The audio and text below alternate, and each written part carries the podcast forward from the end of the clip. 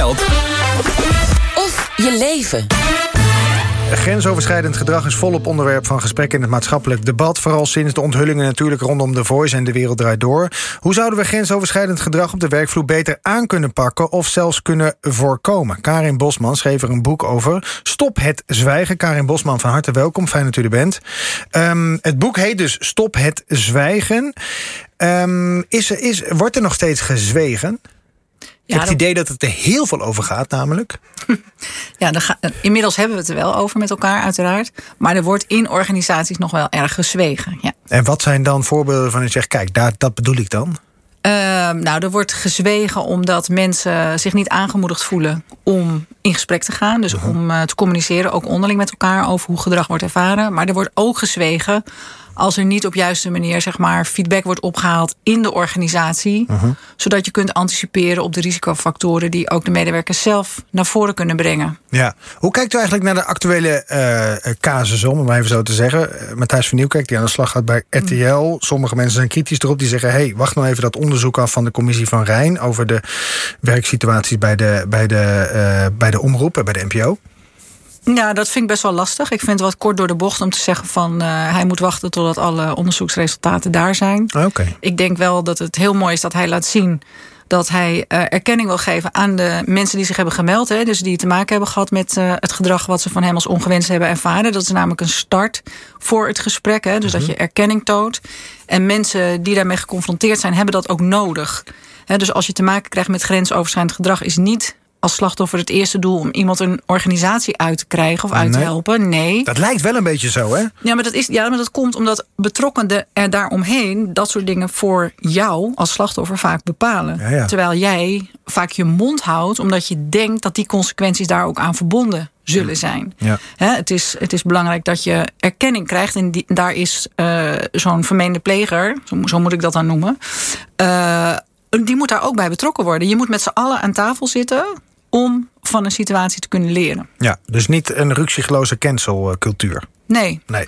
Um, u zit in een economieprogramma, uh, dus het valt meteen op dat u in uw boek een bedrag ook noemt wat het onze samenleving kost. Aha. Grensoverschrijdend gedrag. 3,6 miljard euro lees ik. Ja, waar, waar, waar komt dat jaar, vandaan? Ja, per jaar. Uh, nou, dat zit natuurlijk in uh, verzuim. Mensen die uitvallen door uh, psychosociale arbeidsbelasting. Mhm. Mm -hmm. He, dat uh, kost een organisatie uh, dus ontzettend veel geld. Uh, mensen die niet meer terug kunnen, kunnen keren in het arbeidsproces.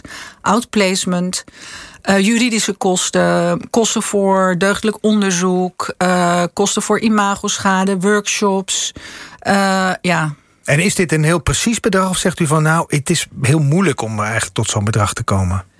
Nou, het is ik denk niet dat het een heel precies ge, uh, bedrag is. Het is een richtlijn. Hm. Ja. En, en, en is dat veel? Ja, moeten we daarvan schrikken? Ja, het is veel. Ik vind elke euro is er één te veel. Ja.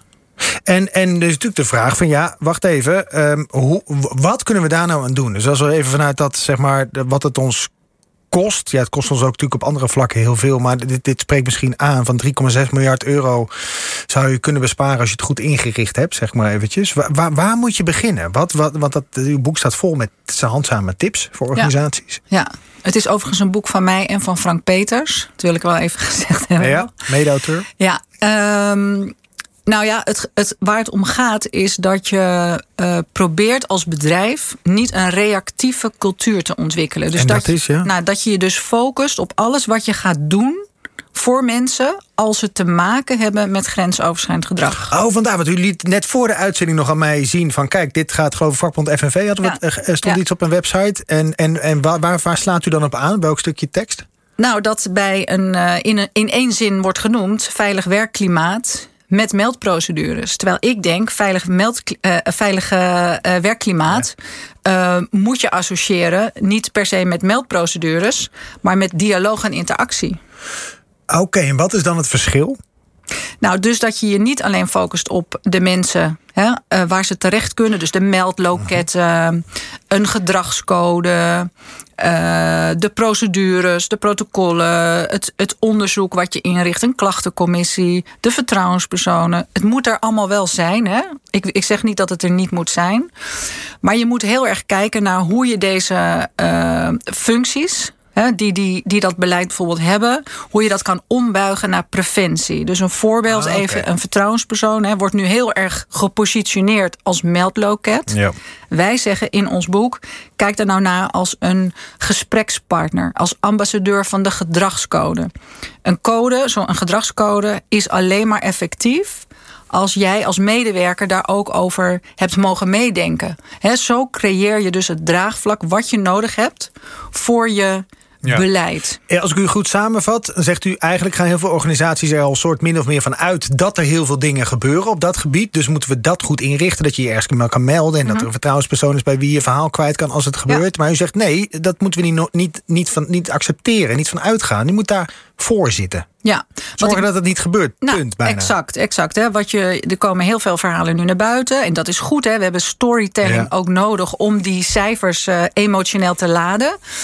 Ehm, Die cijfers emotioneel te laden? nou ja, dat je een gevoel krijgt. Kijk, ik bedoel, als je zegt dat 1,7 miljoen mensen thuis komt te zitten door psychosociale arbeidsbelasting, dan is dat een cijfer. En dat doet dat niet meteen iets met je, want misschien heb je er niet mee te maken. Als je de verhalen hoort van die 1,7 miljoen mensen, dan zijn we veel meer geneigd om in actie te komen. Ah.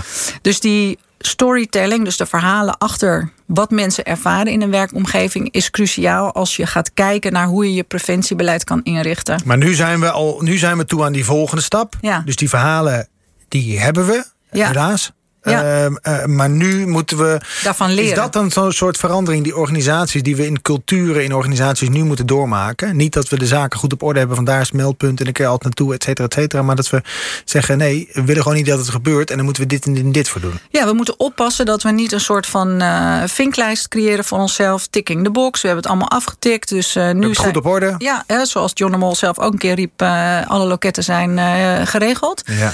Ehm, het is heel belangrijk dat het er allemaal is. Mhm. Maar we moeten zorgen dat eh, we mensen aanmoedigen om het gesprek te gaan voeren met elkaar. Ja. En voor, dat, voor die gesprekken heb je vertrouwen nodig. En vertrouwen kun je nooit opleggen.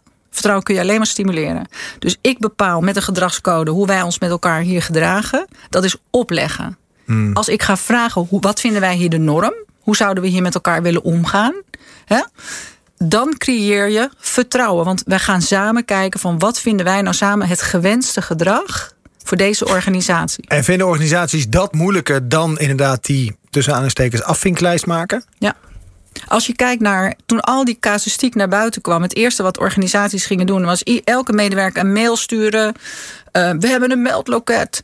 Of eh, een mail sturen. We gaan een, eh, een workshop doen. Maar dat zijn allemaal one-shots. Ja. Weet je wel, dit is een onderwerp waar je eigenlijk continu mee aan de slag moet. En is uw boek dan ook, ehm, want kijk, elke soort grote organisatie heeft, moet hier zo, is hier sowieso mee bezig. Maar is het ook een boek voor een klein MKB-bedrijf met 10 mensen in dienst? Ja, zeker. Want kijk, daar ligt ook een. Kijk, stel voor dat daar iemand uitvalt hè, door eh, grensoverschrijdend gedrag. Eh, komt in een burn-out terecht, ben je dan gemiddeld negen maanden kwijt. Kijk naar wat de consequenties dan zijn voor zo'n kleine organisatie. Dus dan moet eh, ook in kleine bedrijven moet er veel aan gelegen zijn om, eh, om, om dit gedrag te voorkomen. Om, te- om het met elkaar te kijken naar het gewenste gedrag. Ja, en is er dan verschil in hoe je dat aanpakt in een klein bedrijf met 10 man en in een bedrijf met 200 man bijvoorbeeld? Ja, tuurlijk. Het, kijk, in de basis komen heel veel dingen overeen. Hè? Maar uiteindelijk gaat het altijd om het creëren van vertrouwen. En mensen op weg helpen in, eh, in het starten van de dialoog. Maar hoe doe je dat dan? Wat, wat, wat ga je dan zeggen met elkaar? Ja, ik zit me voor te stellen dat die tafel met 10 man in een MKB-bedrijf, een hoveniersbedrijf of zo, met 10 man van die, van, die, van, die, van, die, van die mensen aan tafel. En dan? Nou, ik moet mij zo veilig voelen met die tien personen, met mijn tien collega's, dat als er een grap wordt gemaakt die ik als kwetsend ervaar, dat ik dat kan zeggen. Dat ik kan zeggen, joh, van nee joh. Ja. Weet je wel, ik vind het. eh, misschien is het een hartstikke, hartstikke goede grap. En zullen er mensen zijn die dat eh, kunnen waarderen. Maar voor mij voelt dat heel erg kwetsend. Of voelt dat heel erg vervelend. Of het maakt me verdrietig. En, het is heel, en als ik dat kan zeggen, dan hebben we het over een veilige en open eh, cultuur. Waarin je dit soort dingen met elkaar kan delen. En daar moet je naartoe. En hoe je dat bereikt, dat zijn gewoon baby steps. Kleine stapjes met elkaar maken. En dan is het niet zozeer dat u zegt, die grap kan je niet meer maken. Nee. Maar dan kan die misschien wel als het vertrouwen daaromheen goed, goed is. Nou, of ik leer er iets van. Hè? Ik leer ervan dat ik misschien wat voorzichtiger moet zijn met de uitlatingen die ik doe. Mooi. Ik dank u wel. Karin Bosman, schrijver dus van het boek Stop het Zwijgen... samen met Frank Peters. Ja, Moeten we er ook even bij zeggen.